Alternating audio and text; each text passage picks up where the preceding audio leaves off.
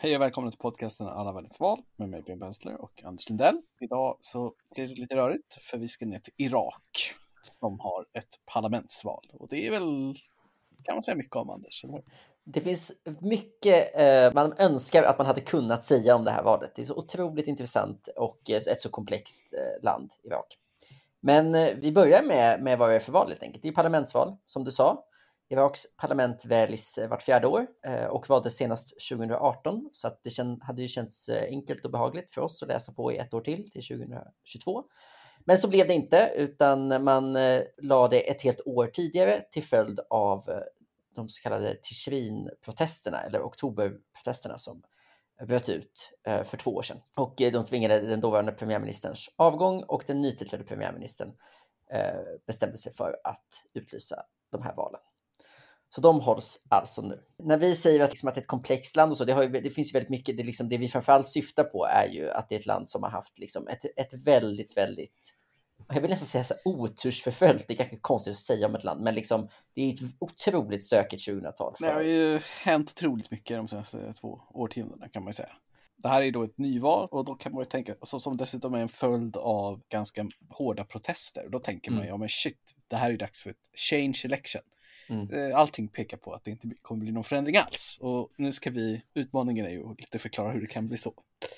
Men ska vi bara först dra lite om Irak som land? Vad vet vi om det egentligen, Anders? Ge, ge mig en minut om Irak. Irak ligger i Mellanöstern, känner man till. Det är ju typ liksom den mänskliga eh, civilisationens födelse, där mellan Eufrat och Tigris, som ju typ är starten på jordbruksrevolutionen. Jag vill flika in för våra lyssnare också att civilisationen föddes på Gotland, vilket alla vet. Men,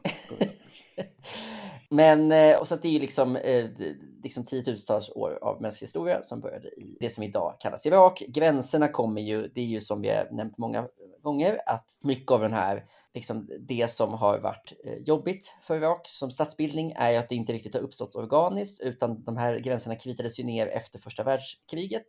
Och sen fortsätter det som en brittisk koloni fram till 30-talet då man blev självständiga. Det har ju då innebär när man gör den typen av gränser och bestämmer att de ska vara nationalstat, då blir den nationalstaten väldigt etniskt splittrad. Och det kan man säga om många av Iraks grannländer också, men Irak tar ju på ett sätt priset. Anledningen till att jag nämner det här är att det här är ju, kommer vi verkligen se sen liksom i politiken också. Och det man kan säga ungefär, man kan ju skära de här grupperna på väldigt många olika sätt också. Men eh, liksom ett sätt att prata om det är ju att man dels har shia-muslimer och sunnimuslimer. Uh, sunnimuslimerna är ju den dominerande grenen av islam, men i Irak så är de två grupperna ungefär jämnstora. Jag tror att det är lite fler shia-muslimer just nu. Nej, vad jag förstår så var det något fler sunni, men sunnimuslimerna hade makten under Saddam, så det har varit shia-muslimerna som har haft liksom alla premiärministrar sedan dess har varit shia. Men de är egentligen något fler, eller färre. Ah, okay. Eh, och sen är vi ju en väldigt stor del eh, kurder, alltså ungefär en fjärdedel av landet är eh, kurder, eller strax under en fjärdedel, som ju har också en väldigt stor, liksom, ett ganska stort långtgående självstyre jämfört med andra delar, eller andra länder där, liksom, som också omfattar eh, Kurdistan. Så att säga. Och sen så en ganska, en ganska stor grupp liksom, kristna minoriteter också. Och det är liksom ett sätt att sortera. Man kan ju också säga att liksom, Eh, många kurder är ju antingen shia-muslimer eller sunnimuslimer. Alltså det, förstår du, det går att skära dem där på lite olika sätt. Men eh, ett sätt är att, är att ställa upp det ungefär sådär, för det är så de politiska delarna. Ja. Och precis som du sa så var ju liksom, det, det spelade ju också väldigt stor roll för Iraks eh, tid under Saddam Husseins tid vid makten, så spelade ju den här, den etniska splittringen väldigt stor roll eftersom Saddam Husseins parti, Baath-partiet, var ju inte liksom linjerat med de här gränserna, utan var ju liksom, hela poängen blev var ju det, att det skulle vara ett sekulärt, arabiskt, nationalistiskt parti som, som eh, försökte överbrygga och eh, piska ner de där skillnaderna mycket. Liksom. Så att eh, det som också hände när, när USA gick in var ju att, man, att de här skillnaderna började blossa upp igen. Och då fattar alla att jag menar inte att det var bra att Saddam Hussein var diktator i Irak.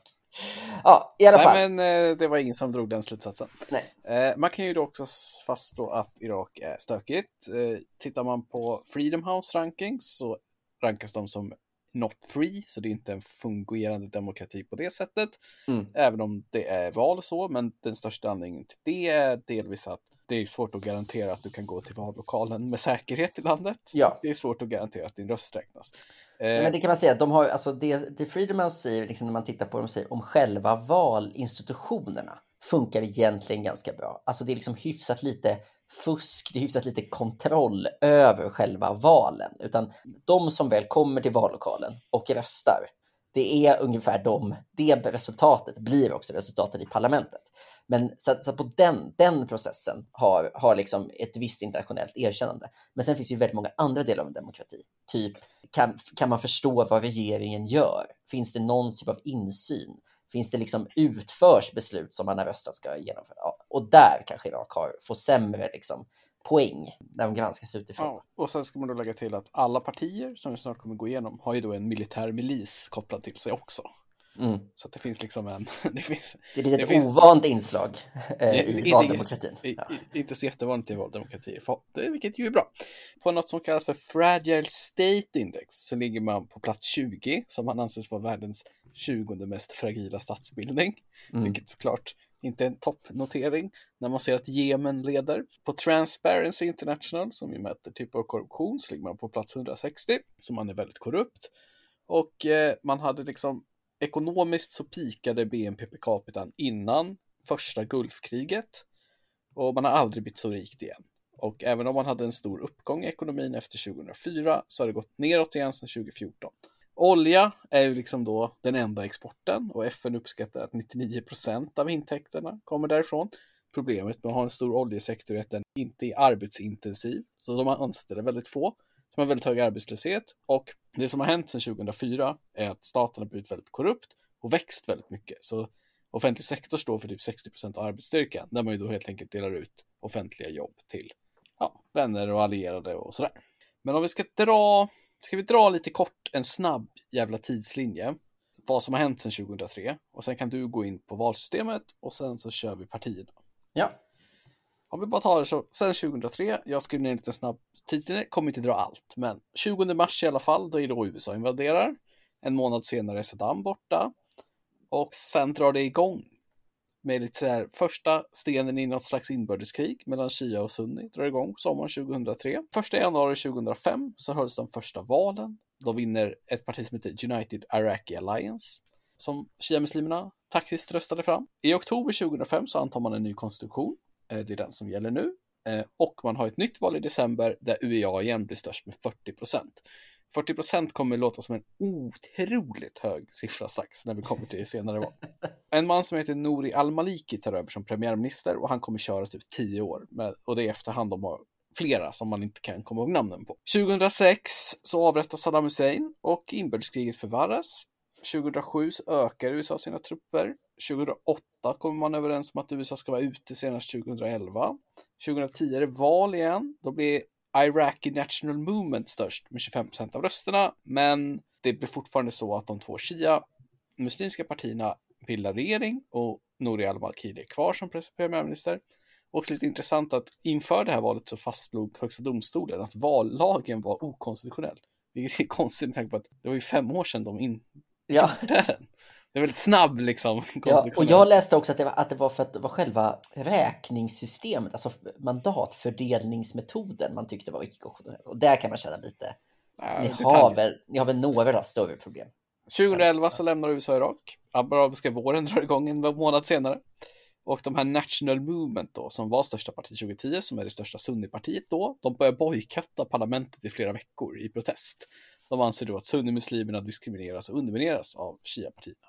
12-13 präglas av eskalerat våld och även eskalerande våld i grannlandet Syrien. Och eh, sunnimuslimerna börjar där också ta till terror för att liksom utmana shia-muslimernas regering för att destabilisera den. 2014 smäller det till rejält när sunni-rebeller erövrar stora delar av norra Irak under Isis-manteln. Eh, skapar en situation där typ hundratusentals iraker då helt plötsligt blir statslösa eller utanför sin stat i ockuperat område. De ockuperar då Mosul som liksom har en två miljoner människors stad som försvinner från Irak. Ja. Några månader efter sig så kör de ett val. Då, efter det tvingas Nour al-Maliki avgå och nu börjar det spåra ur lite i politiken. då antalet partier ökar från 3 till 8 och alla partier börjar få typ så här 14 procent. Diskussioner om att dela landet i tre delar tar fart. En sunni, en shia och en kurdisk. 14 till 17 är det inbördeskrig i Irak där de försöker ta tillbaka is, det som Isis har tagit då. USA hjälper till, bombar som fan. 2017, när det inbördeskriget är över, drar kurderna till med en folkomröstning för att lämna Irak. 92 procent röstar för. Bagdad håller det här som olagligt. Och 2018 invaderar Turkiet istället norra Irak för att kriga med kurderna. Och eh, den antiamerikanska, eh, vad säger man, så här clergy, liksom, eh, imamen eller Ja, religiösa resan, Muktiga al-Saders koalition tar makten vid valet 2018. 2019 kommer den här protestvågen. Eh, man protesterar mot korruption, arbetslöshet etc. och liksom den allmänna missnöjet. Mm. Regeringen slår ner hårt på det här, för hårt. De tvingas avgå och det kommer en ny regering. Eh, stök med USA händer, slutar med en omringning av ambass amerikanska ambassaden, lite Iran-vibbar 79. Januari 2020, USA dödar den iranska ledaren Qasem Soleimani som är på ett besök med en drönare.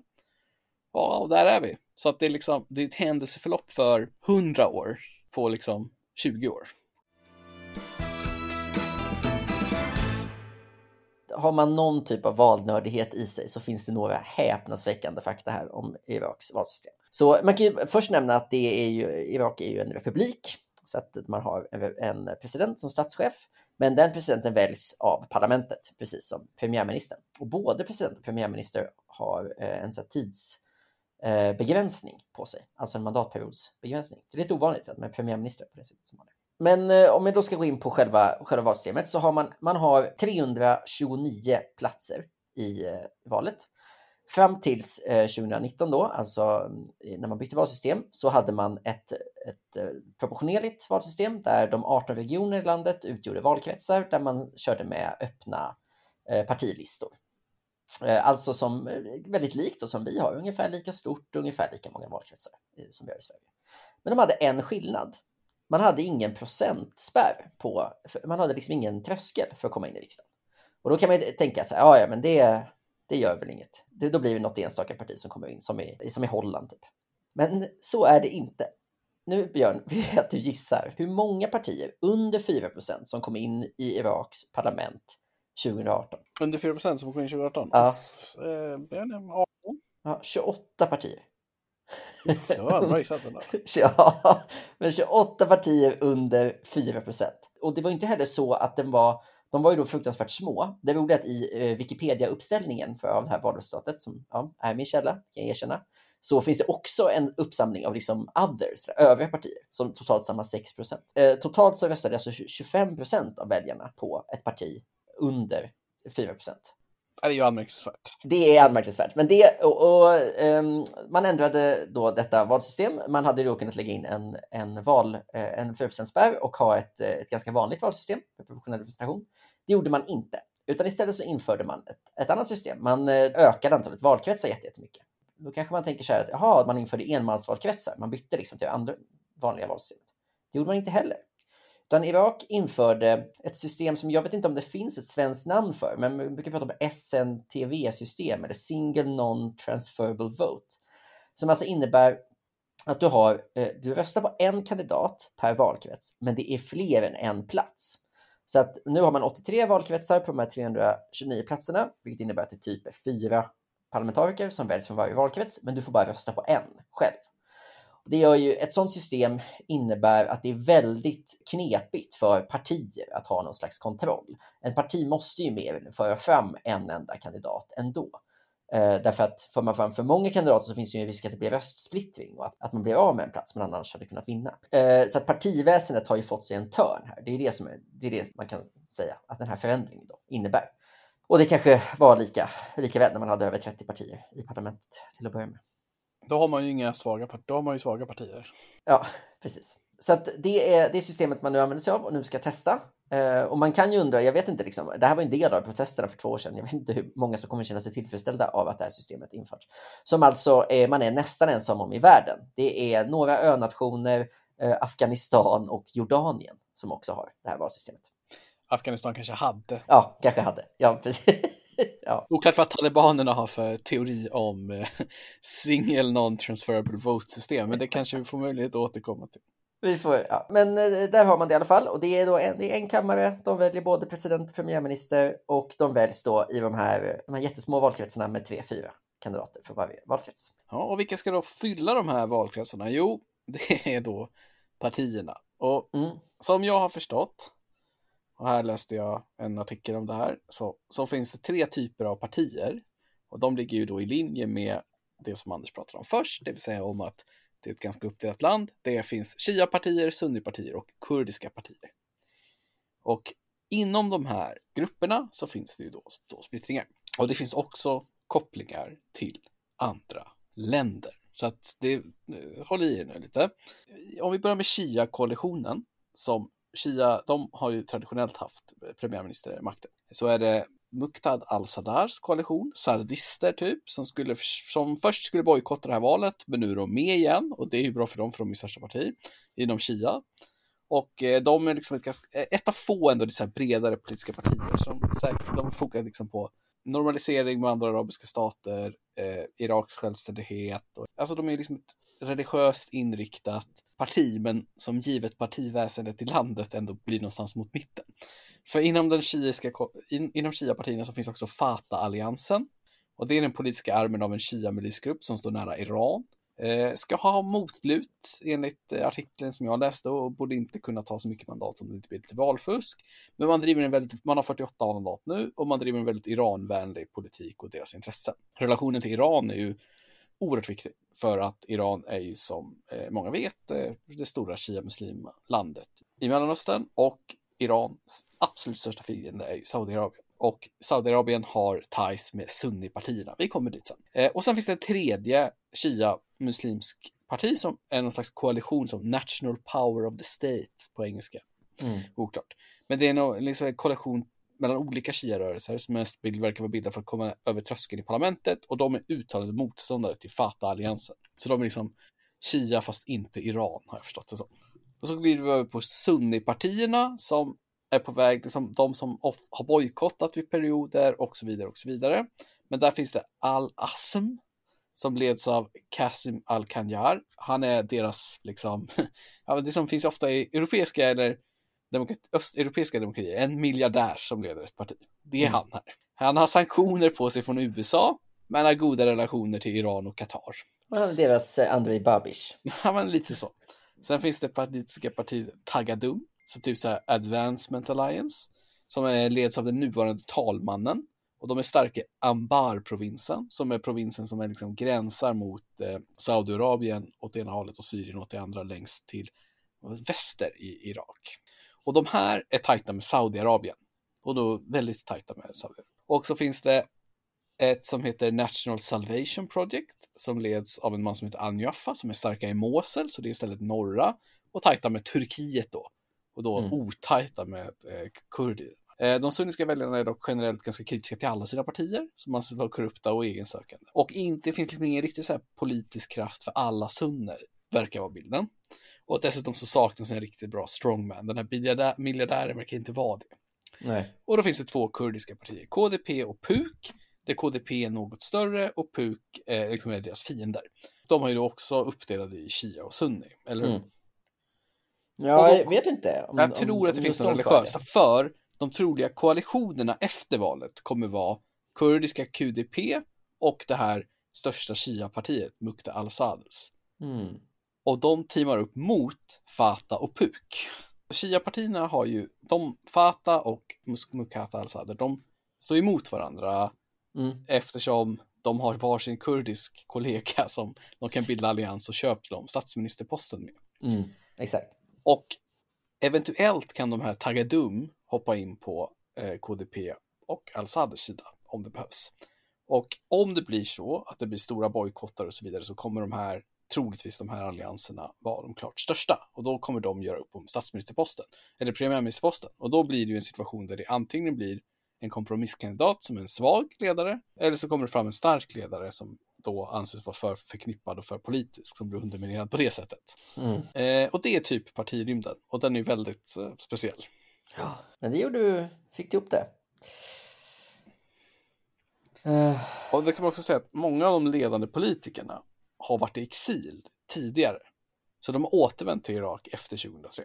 Just det, just det. Eh, flera av de tidigare premiärministrarna har liksom bott eller pluggat eller har examen från England och sådär liksom. Mm. Och sen återkom. Och då var de ofta shia och så har de liksom. Så att det är så här, det är så här väldigt speciellt både person och eh, partiväsen. Det får vi se också. Det är väldigt svårt att jämföra över valsystem, liksom, hur det ska bli med nästa. De har ju ändå eh, möjligtvis tvingat fram en ordning där vi kommer ha lite mer tydliga, vi får inte exakt lika proportionerliga val här. Och det kan ju faktiskt gynna dem på ett sätt. Att man slipper ha 34 partier i, i parlamentet. Det blir, du, du måste ju ha, du måste ju få 20 procent i en valkrets ungefär för att komma in. Ja, det blir intressant hur det blir. Och sen kan man då påpeka igen att säkerhetsläget är väldigt utsatt. Att mm.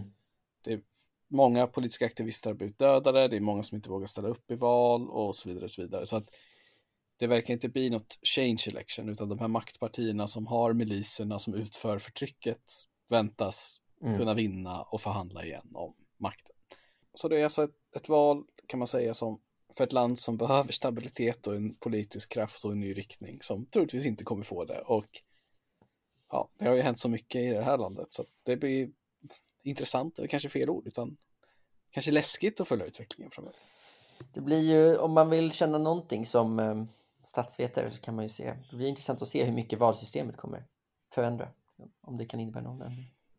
Ja, vi kommer återkoppla till Irak när vi gör ett follow-up avsnitt. Eh, nu kommer vi tacka för oss för den här gången och så kommer vi komma tillbaks nästa gång. Och vad är det då, Anders? Ja, det ska jag tala om för dig. Om jag inte eh, är helt, om det inte är så att det är som det gjorde inför det här avsnittet, dyker upp något som jag missat, så är det Japan nästa gång. Ja, Japan var? Jag tror det, i alla fall enligt vår Ja, 31 oktober. Yes, då blir det Kap Verde först. Som vi redan varit i, men nu är det dags för presidentval. Ja, det blir kul. Vi, eh, vi hörs då. På återseende.